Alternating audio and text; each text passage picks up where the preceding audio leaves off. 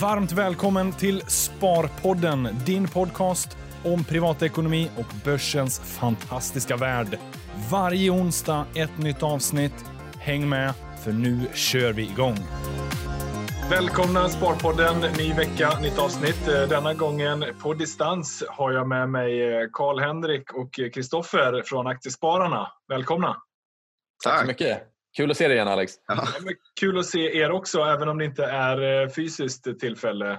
Men Kristoffer, du befinner dig en bra bit geografiskt härifrån va? Exakt, jag befinner mig någonstans ute i skogen. Eh, Hemlig location? Exakt, hemlig location. Undisclosed location som man säger på engelska. Nej, men det, jag har varit i karantän sen eh, i princip vi, vi sågs. Jag vet inte, det var i mars vi poddade senast tror jag. Det var mitt i, mitt i härdsmältan och det var det jag ja. tänkte vi ska reflektera lite över vad som har hänt sen dess. Väldigt mycket har ju hänt. Mm. Vi har sett en ganska kraftig återhämtning. Och börsen känns nästan lite euforisk igen. Mm. Vad, vad är era tankar sen uh, vi såg sist? Eh, ja, eh, vi kan väl bara konstatera att det går väldigt fort där ute. Ja. Eh, att det, allting är inte logiskt. Det, det liksom, du har eh, stimulanser som agerar motpol mot katastrofsiffror om du tittar makrosiffror. Jag kan ju personligen ha svårt att få ihop pusslet att jag vet att du skrev en artikel om, om, om vinst, vinstprognoserna och de är nu ner och då 12 procent på årsbasis storbolagen. Ska man titta historiskt borde man ner kanske 50 procent givet eh, makrosignalerna. Eh, men samtidigt då så har du stimulanserna som också väger upp och marknaden skiter i 2020 och blickar framåt. Där någonstans har du väl, tror jag, anledningen till att det gick så fort uppåt igen. Kristoffer, håller du med eller? Eh, nej, men det är, ju, det är ju den bilden jag ser också. Det är självklart att alltså de här stimulanserna, om man tänker egentligen vad vi har fått eh, se här de senaste veckorna, månaderna, så har det varit extraordinärt. Vi har eh, obegränsat QE, eh, helikopterpengar, allt det här vi egentligen har pratat om låg borta, liksom, kanske flera år bort, årtionden bort, så har vi fått allting på några månader bara. Och det är klart att det, får, att det gör avtryck på, på börskurserna och som ni vet så sätts ju kurserna på marginalen, utbud och efterfrågan och när likviditetskranarna är fullt utvecklade så det är klart att det ger stöd, starka stöd till börsen. Sen så kan man också säga att, att nedgången som vi såg i, i, i februari-mars, det, var ju, det var ju verkligen rakt ner. Det var ju att allting slaktades oavsett mm. vad eh, bolagen och hur det påverkades. Som ICA exempelvis följer ju väldigt kraftigt och Axfood, de flesta storbolagen eh, sjönk ju. Men sen så blev det lite så här att okej, okay, en stabilisering var på gång och så såg man okay, vilka vinnare eh, finns det i den här krisen. Vi har ju i korta portföljen har vi plockat in Getinge exempelvis som faktiskt eh, är ett av bolagen som gynnas av eh, den här krisen. Eh, så, så det finns ju ändå möjligheter skulle jag säga. Och, även om det har gått fort först ner och sen upp så tycker jag ändå att den här studsen känns som att... Många har ju pratat om att det är en bulltrap. Och när man tittar siffrorna och det är liksom värsta sen den stora depressionen i USA arbetslöshetsmässigt. Och vi tittar makroindikatorerna, PMI, eh, industrisiffror, eh, så ser det ju fullständigt katastrofalt ut. Liksom. Så, man, jag tror man... Ja. Jag, jag, jag, känner ju liksom en, eh, en, negativ underton i båda era resonemang. Alltså att ni eh, tycker det kanske är något obefogad uppgång. Nej, men det tycker jag nog inte. Det, det, det jag menar, kan, det, kan det inte bara vara så att uh, det här blev en tillfällig blipp i kurvan? Det som vi inte trodde skulle vara en blipp i kurvan, men ändå kanske blir det. Eller ja, men det, kan ju vi, ja, men alltså, för det kan ju visa sig nu, för nu är samhället absolut mer förberett för om vi skulle få en andra våg exempelvis av, av, av den här coronapandemin och vi kan ju bara konstatera att vi har ju både politiker och centralbanker som till skillnad från under finanskrisen, nu är ju alla på tå. Nu är ju alla beredda att stimulera så mycket de kan och vi kan bara konstatera att doping funkar ju faktiskt. Och på något sätt, det har ju skett en liten rolig förändring kan man väl kanske kalla det. Om du, på något sätt, börsen brukar man säga drivs av vinster på sikt. Det, ju, det, det, brukar man säga. Men nu, om, man, om man kollar nu så egentligen så är det ju alltså, det är utbudet på pengar. Den korrelationen med börsen är ju lika med ett just nu. Så att liksom, så fort vi skruvar åt likviditetskranarna, ja, men då har vi också fått fallande börskurser till slut. Och sen så fort alla centralbanker kommer till, nu är det även fiskala stimulanser, eh, vi får ut mer, mer pengar ut systemet, ja, men då, då hittar börsen tillbaka och eh, det finns en tydlig korrelation där. Sen på sikt om det är hållbart eller inte, det, det är det väl kanske inte, men jag tror att det är en eh, starkt bidragande orsak och vi får det här TINA TINA-tänket, FOMO-tänket, det finns inga alternativ och så börjar det gå upp och så blir det mentalt och så blir det flockbeteende. Sådär. Men så gameplay är egentligen, så länge centralbankerna håller kranarna öppna, då är det bara att rida på den vågen. Ja, men jag tror lite det. Sen ska man ju ha jätterespekt för det som händer i världen. Det är inte så att jag, att jag blundar för allt det. Men jag, ja, så skulle jag ändå, så ser jag på det i alla fall. Jag läste en eh, ganska intressant artikel från eh, Norell Rubini igår.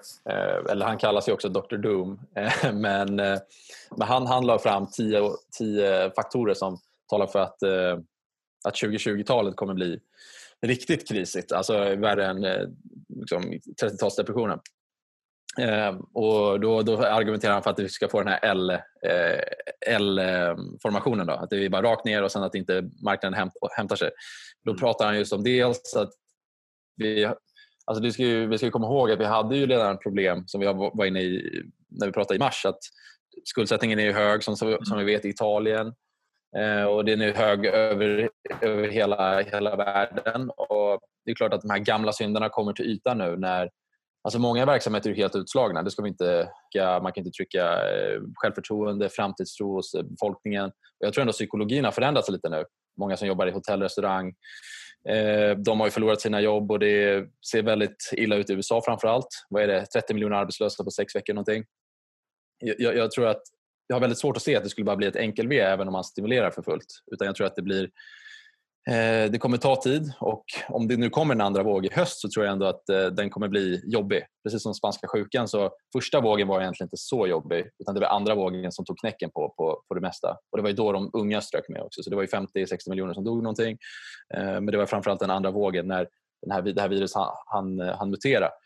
Och Det är väl det som jag är lite rädd för att, eh, att det ska mutera nu och bli ännu starkare och kanske angripa eh, nya grupper. Eh, mm. Men som sagt, vi har, vi har ändå haft... Det är klart att man blir bearish när man tittar på... I, i Sverige så hade vi, var det vecka 15, eh, flest antal dödsfall någonsin i Sverige. Nu har vi för sig haft en ganska kraftig befolkningstillväxt men ändå, det är inte, det är inte jättemuntert liksom, att läsa sådana siffror. Och jag vet att eh, mina föräldrar berättade att i, i Svenskan och DN så hade de rekord i antal dödsannonser. Det var liksom nio sidor dödsannonser i, i tidningen. Eh, och Det är ju liksom extremt. Eh, så jag tror ändå psykologiskt så, eh, så, så, sätter det sig här nog hos människor ett tag. Eh, även om man gärna vill återgå till det normala så tror jag att det, det kommer ta tid. Nej, men jag, jag befarar ju det också givetvis. Och de ska man inte underskatta att eh, liksom blir den här karantänsituationen förlängd och vi får en andra våg där vi måste gå tillbaka ännu mer i karantän. Det är ju, det är ju den psykologiska påfrestningen som många kommer att ha väldigt svårt för nu börjar man bli ganska uttråkad på det här karantänlivet. Men, men, men, det är så lätt också att bara landa i de här negativa eh, potentiella riskerna. För vi har ju också möjligheten att samhället ställs om. Eh, det är de bolagen som har gynnats i det här klimatet. De kommer ju växa och anställa fler och kanske kan anställa en del av de, eh, ur de sektorerna där vi tappar personal. Jo, det är sant. Så får vi någon ny, liksom, eh, nya delar av ekonomin som växer. Det är ju alltid så att ur kriser så kommer det ju, alltså ekonomin är ju dynamisk så, så det, är ju, det sker ju alltid en konstant förändring. Och tittar vi, det kom faktiskt två rapporter här i morse, jag vet inte om jag såg det, eller det var precis när vi drog igång. Bahnhof och Bredband2 kom, Telekom.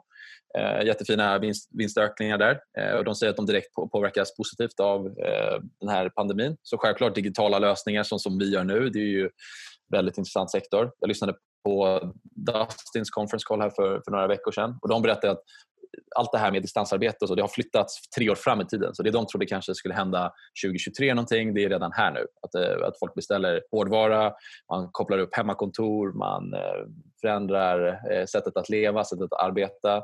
Och Det där påverkar också, om, om man drar det lite längre, som, jag vet inte hur mycket mycket du har pratat om det Alex, men fastighetssektorn är en sån sak. Kontorshyror mm. i Stockholms innerstad har ju skenat. Det har bara varit one way street under många år. Eh, är det någonting potentiellt som förändras nu med att folk arbetar på distans, företag ser över arbets butikshyror, allting. Eh, de hade ju problem redan i början. Eh, alltså innan den här krisen. Eh, och nu har de ju definitivt problem med, med gallerier och andra. Atrium Ljungberg såg vi i deras rapport att det var, att det var lite jobbigt. Exakt, och jag kikade lite på fastighetsbolagen också för någon vecka sedan. Det liksom skiljer sig ganska mycket beroende på hur exponerad ett fastighetsbolag är mot restaurang, butik och centralt belägna hotell. Fast, och hotell då givetvis. Mm. Det är de som har drabbats värst. Det är också där vi ser på Nordnet eh, bland de största ökningarna av antal ägare. Så jag tror ändå att många tänker att dels är det pressade aktiekurser så det kan finnas en viss potential men också att de här bolagen är så pass dynamiska att de kan ställa om. Vi kanske ser en helt annan förändring i fastighetsmarknaden där mycket av centralt belägna kontorslokaler kanske konverteras om till bostäder. Eh, bostadsinnehavare kanske vill ha lite ökad utrymme eh, bara för att kompensera för det där hemmakontoret som man kanske lastar på eh, framöver. Så, så man kan ju se liksom dynamiska processer även där. Men, men initialt så kommer det ju vara, eller har det ju varit också ganska slaget för dem som är då väldigt beroende av de där eh, butik, butikshyresintäkterna. Och har de dessutom kopplat det till omsättningen så är det ju eh, kraftigt negativt nu när omsättningen faller.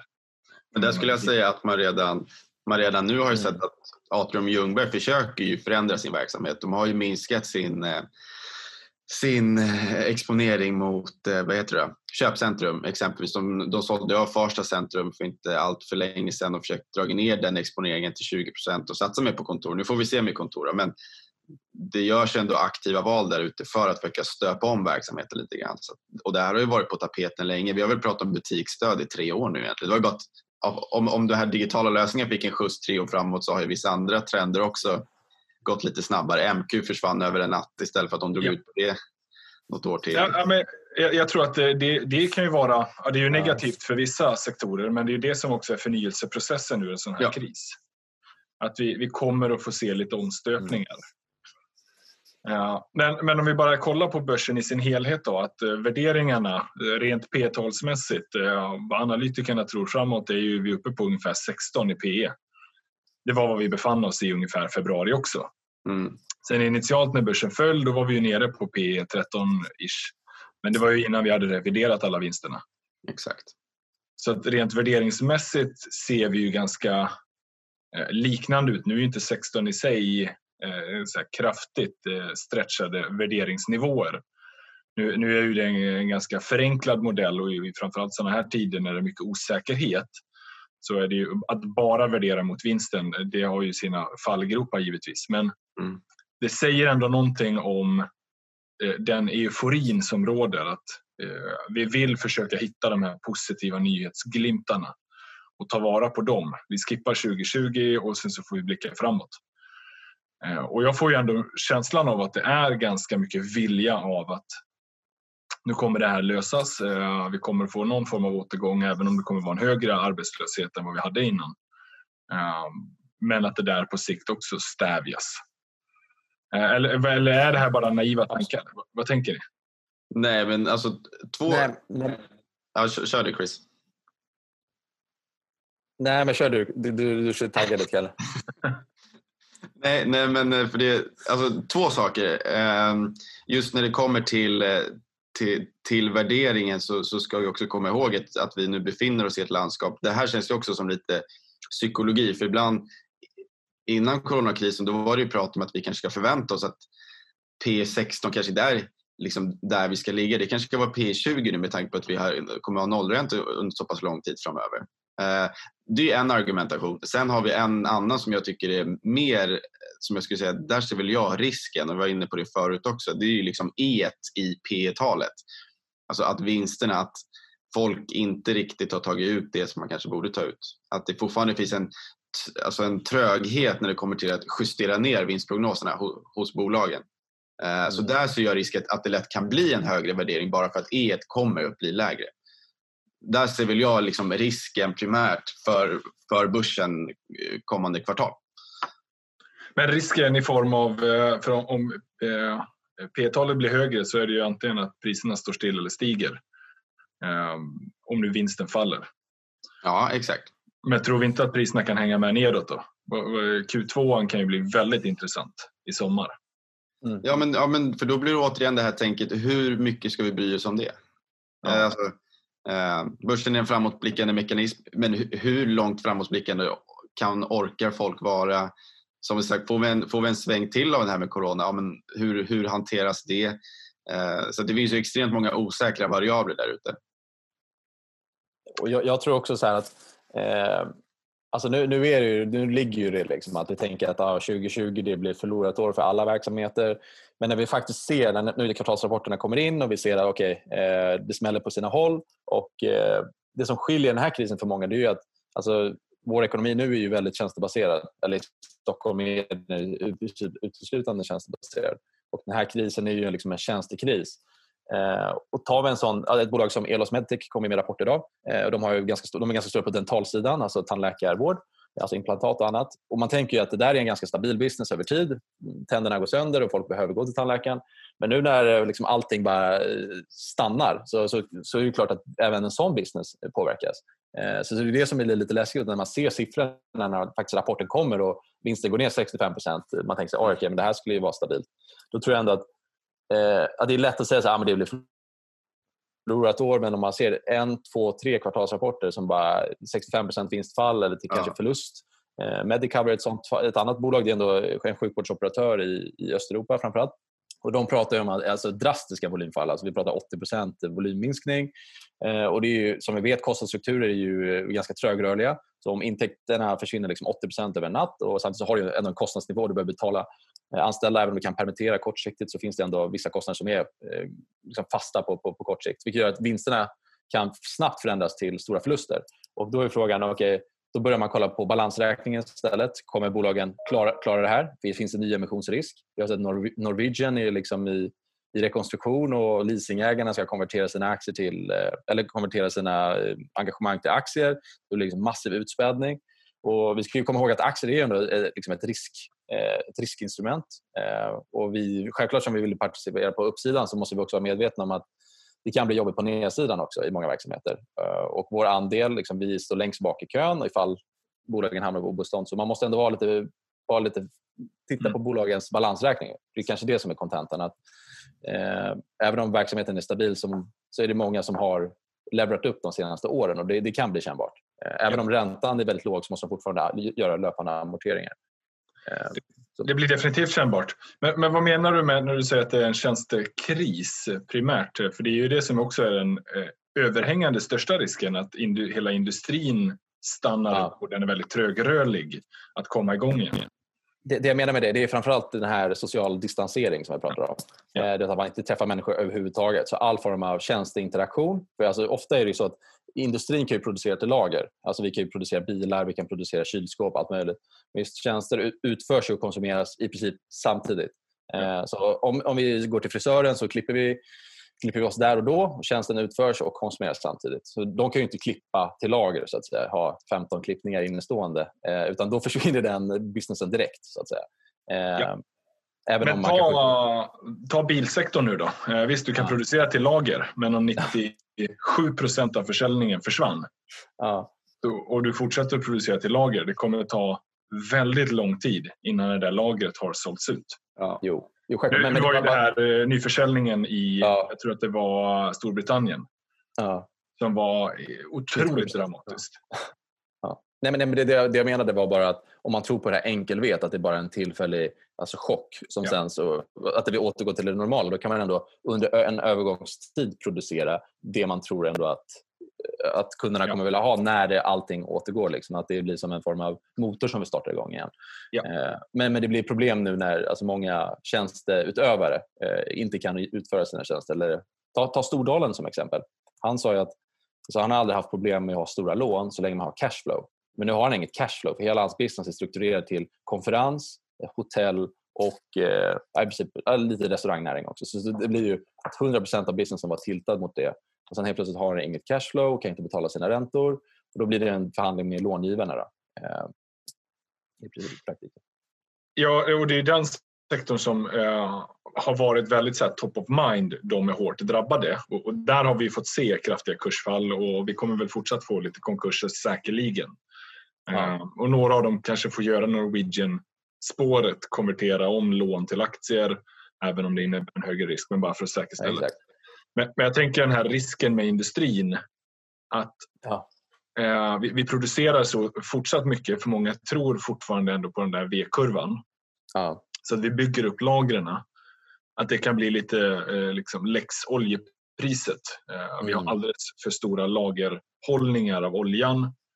Att ingen längre vill ens ha fysisk olja levererad och du får ett mm. negativt pris. Exakt. Folk kommer att betala för att göra sig av med sina bilar framöver. Mm. Nu, det är ju ett extremt ex exempel och jag har ingen aning om huruvida det kommer bli så. Ja, Nej. Ja. Nej, men det är relevant eh, liknelse ändå. Men vad tror ni då? Är det, är det ett rimligt scenario att folk kommer att betala för att göra sig av med sina bilar? Nej, det får vi väl hoppas att det inte ska gå så långt. Men, men, eh, men om jag hade ställt frågan i februari, är det rimligt att folk kommer att betala för att göra sig av med oljan? Nej, så är det såklart. Nej, men det är ju alltså... Men det är lite annan typ av... Eh, ja, jo, jo. Men, men jag förstår vad du menar. Och det, självklart finns det en risk där. Det håller jag med om. Och jag tyckte ändå liksom... Eh, alltså vi, vi, jag vet att vi pratade om Bilia här för, i Sparpodden för, för några... Det var väl i mm. slutet på sommaren förra året. Eh, eller vad det var. Eh, och då, det är ju ändå så här, de, Alltså det känns ändå som folk... Eh, alltså nu reser ju folk inte överhuvudtaget så, så det, är ju, det är ju, har ju gått ner över, överlag. Eh, men det, bilhallarna börjar bli fulla liksom med, med bilar. Och AB Volvo, har ju, eller Volvo personvagnar har ju varslat eh, ganska många liksom, här senaste år, och, eller senaste veckorna menar jag.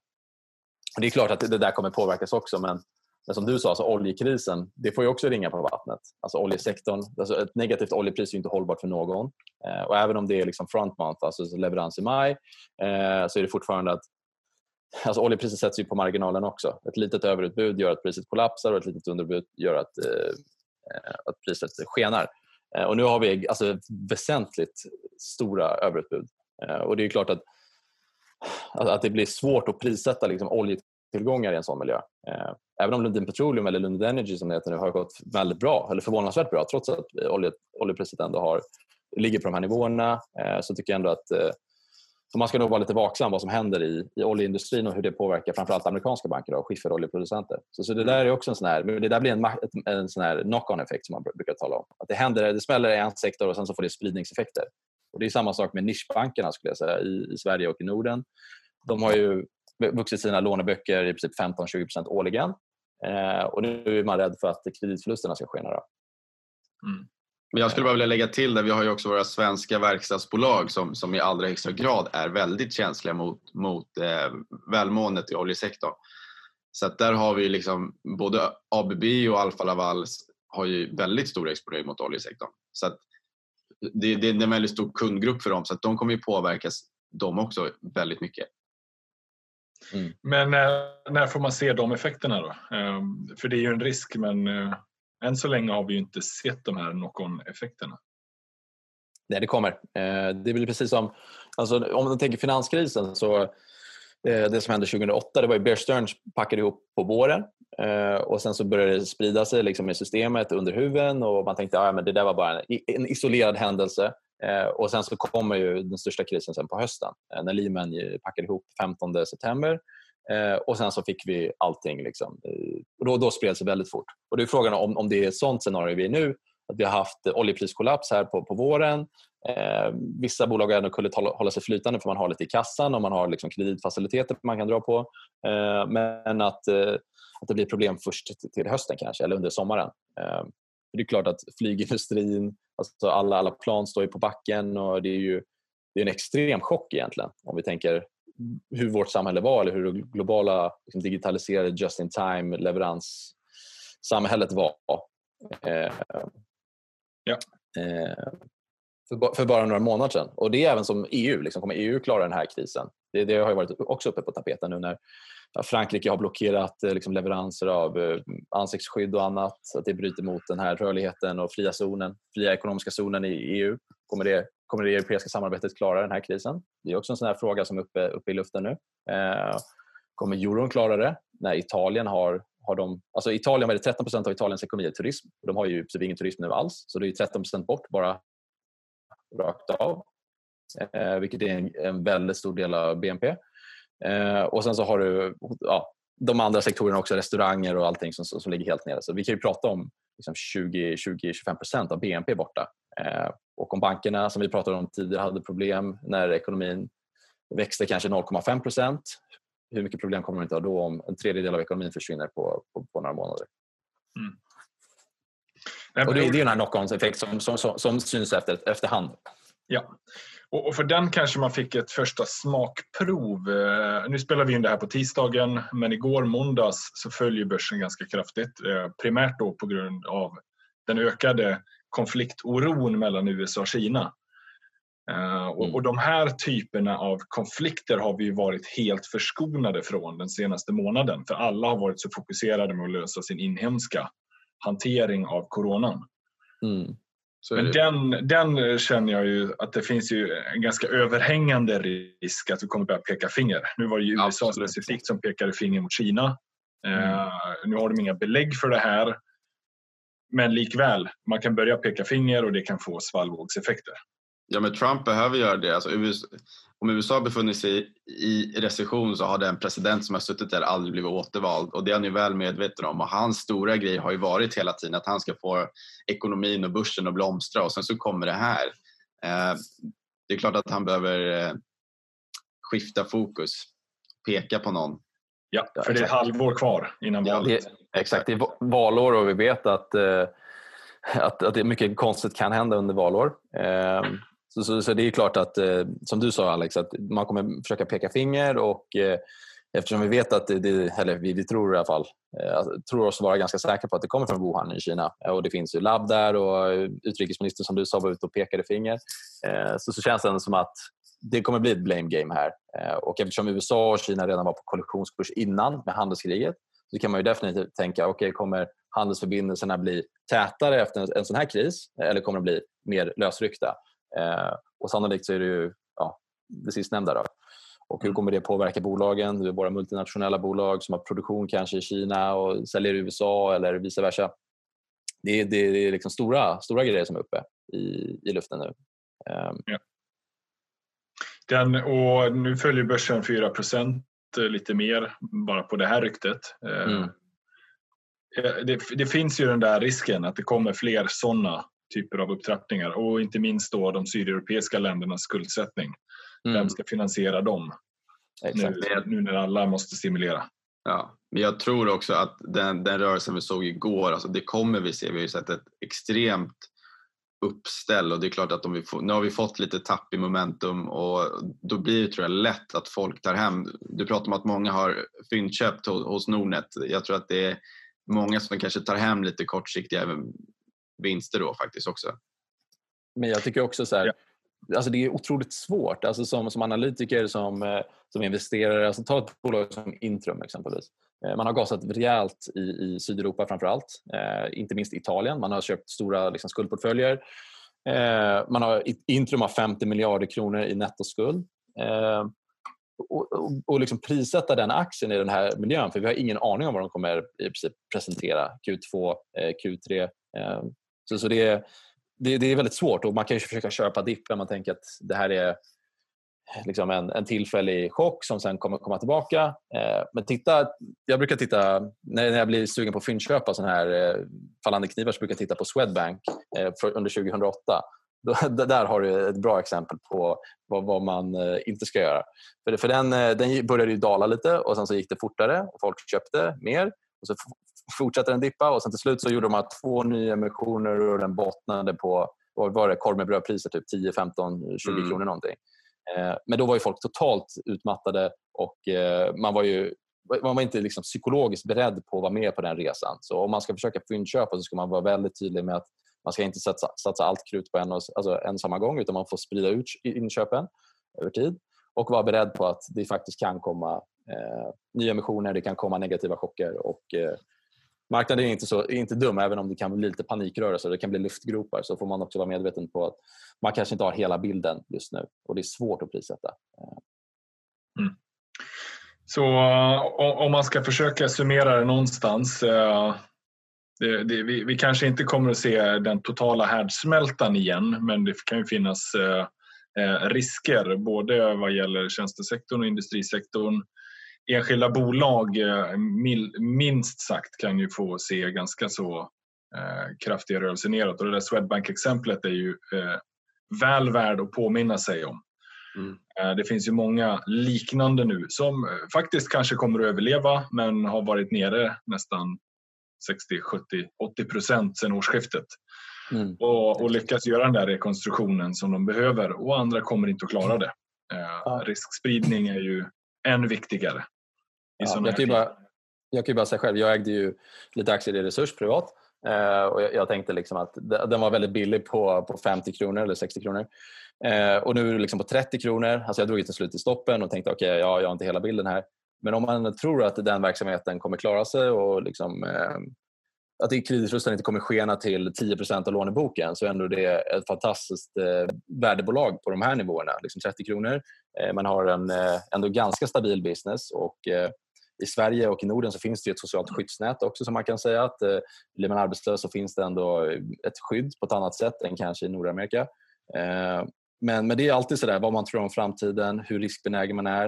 Eh, Tittar man i balansräkningen och läser alla noter i, i årsredovisningen så blir man ju lite så här, okej okay, vänta, har jag hela bilden eller blir det, blir det ett makrocase av det här trots allt? Och då måste man göra någon form av BNP-prognos och arbetslöshetsprognos, då, eh, vad man tror.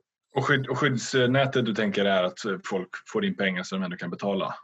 Ja, exakt, a-kassa och det, det finns eh, trygghetsnät i form av försörjningsstöd och annat. Liksom, ifall det skulle verkligen vara, eh, bli, bli, bli, tufft. Eh, som man, men det är liksom worst case. Eh, ja. Men det konsumentkrediter är ju såklart eh, en väldigt riskabel, riskabel nisch men räntorna är därefter också. Men vad tror ni, kan man ha, kan man ha samma gameplay eh, för fastighetsbolagen? Alltså det, det kan finnas rätt mycket värde där. Mm. Och eh, nu får vi ändå se ganska mycket stimulanser från regeringen för att dels ersätta omsättning eh, har man gått ut med nu och alla de tidigare stimulanserna också. Eh, att, att de borde ändå kunna överleva eller omför, omforma sig på annat sätt eller även om de inte gör det så finns det värden kvar i bolagen. Jo men det tror jag, men sen så tror jag om man, om man går tillbaka lite till, till värdeaktier så i en sån här miljö så brukar det faktiskt, vilket även har varit nu väldigt tydligt, det är tillväxtbolag som, som går betydligt bättre än värdebolag. Det blir lätt att man, man ser väldigt aptitliga multiplar och man tycker ändå att det finns ett case där. Eh, men eh, det finns en väldigt tydlig korrelation där med, med eh, tioårsräntan. Och den har ju gått rätt ner i källaren egentligen. Den har väl kommit tillbaka lite. Men det är ändå en miljö där tillväxtaktier har belönats. Vi bara kolla USA-börsen. Återigen så är det ju Fang, eller Fangman-bolagen som, som drar upp det. Mm. Uh, så det är bra att komma ihåg bara. Det är lätt att vilja fiska billiga aktier. Uh, men det kan ta tid. Här, eh, som svar på din fråga Alex, alltså just fastighetssektorn tror jag ändå om det är någon sektor man, man kan titta på och som har fått mycket stryk eh, men som ändå har en i grunden stabil business så är det ju fastighetsbolagen. Och Självklart är bolagen olika men man ska titta på, på vad är det för typ av bestånd som de har, eh, vad är det för typ av vakansrisker som finns, eh, var är de geografiskt placerade? För som vi vet i fastigheter så är det läge, läge, läge som gäller. Eh, så jag tänker ändå, alltså tittar man på de större bolagen, Wihlborgs, Fabege, alla de här så har de kommit ner väldigt mycket. De har ändå en, en väldigt bra business underliggande. Eh, men, men det är klart att eh, det, det, blir lite svårt då, hur, hur, man ska räkna på det. Men om man vänder på det, om vi ändå ska köra på de här stimulans och eh, de här grejerna som inte jag kanske riktigt gillar. Men, eh, för fastighetssektorn har ju lånat väldigt mycket de senaste åren. Eh, och det är en väldigt stor del av eh, eh, vad ska jag säga, kreditmarknaden. Så om det skulle få problem så har vi verkligen stora problem. Så då, då vet vi att det finns någon form av statlig garanti att de kommer gå in och eh, rädda de här bolagen. Eh, för skulle exempelvis Balder hamna på obestånd då, då är det liksom, eh, extremt jobbigt för det svenska banksystemet skulle jag säga. Eh, så, så, då, så då vet man att, eh, att det finns en eh, statlig garanti någonstans där i bakgrunden. Även om inte jag gillar att basera mina investeringsbeslut på det men det är ändå någonting att ha i bakhuvudet. Mm. Mm. Ja, verkligen. Uh, det är uh, förmodligen spännande tider även framför oss. Uh, vi får väl hoppas att de värsta tiderna är bakom, men det finns fortsatt orosmoln som det alltid gör på börsen. Får försöka navigera sig mellan. Och möjligheter, som vi sa tidigare. Alltså, under, under 30-talskrisen så, så blev det väldigt många miljonärer som skapades. Det var många som tappade stora förmögenheter men det, var också, det blev en enorm förmögenhetsöverföring som man brukar säga. Eh, så, så för den som är vaksam och eh, kan göra sin hemläxa och läsa på ordentligt och ta kalkylerade risker och sprida riskerna framför allt så tror jag ändå att det här kommer bli fantastiskt bra. Ehm, det finns ju case som fungerar i alla miljöer som vi pratade om tidigare. Getinge är ett sånt bolag som faktiskt gynnas av den här krisen. Lundin Gold är ett annat bolag som, som vi har i vår kortsiktiga portfölj som går väldigt bra just nu. Även om produktionen är stannad också på grund av smittrisken så är det fortfarande att värdet i backen ökar i takt med att guldpriset stiger. Mm. Så det finns ändå sätt att strukturera sin portfölj och försöka jobba, jobba aktivt med riskspridning och, och ändå kunna komma vinnande ur den här krisen. Och Telekom, en annan som jag sa, Bahnhof Bredband 2 kommer fantastiskt fina rapporter idag. Ja, Nej, men, och jag tror verkligen man ska ta, försöka ta vara på de där möjligheterna för de finns ju där. Uh, man, man behöver vara medveten om riskerna men det är framförallt jaga möjligheter i sådana här lägen. Uh, mm. De sektorerna är otroligt intressant att kika på. Ha med mm. sig det som du sa Karl-Henrik om tillväxtbolagen. Det är ändå de som har fortsatt momentum. Mm. Och sen inte vara allt uh, och vara medveten om de riskerna som ändå finns. Makro är svårt att försöka förutspå mm. men, och mm. den finns där och den kommer att påverka oss. Men mm. eh, se till att läsa på om de enskilda bolagen. Och ha, ha lite cash, alltså självklart ha en kassa ifall, eh, ifall det, det blir ännu värre. Det är det också ja. som, som man inte vill vara med om att det blir en, en kris och sen så har man inga pengar att köpa för. Eh, lite det här Swedbank 2008 som jag pratade om. Eh, man kanske köpte på 60 kronor och trodde man gjorde ett jättefynd och sen så helt plötsligt var det ner på 15 kronor och då känner man oj det där var inte bra. Så har man ingen kassa. Eh, så ha lite kassa, ha, ha en buffert framförallt nu eh, så man ändå klarar två, tre månadslöner liksom, inte på börsen utan i något, på bankkonto eller i någon kortsiktig likviditetsfond bara. Så man vet ändå att man kommer klara, klara maträkningar och allt annat då, på kort sikt.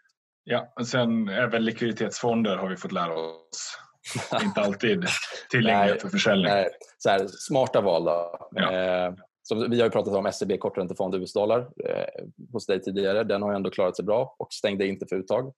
Eh, så, och då har man också en valuta-hedge. Men det kanske man inte ska ha i sitt buffertsparande. Men, men man, kan ändå, man, kan, man kan ändå tänka så.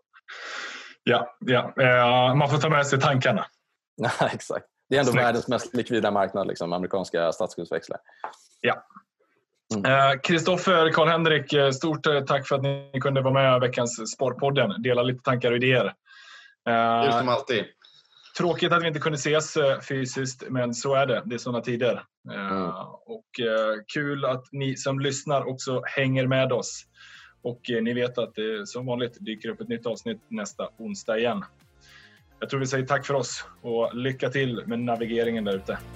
Tack. Tack.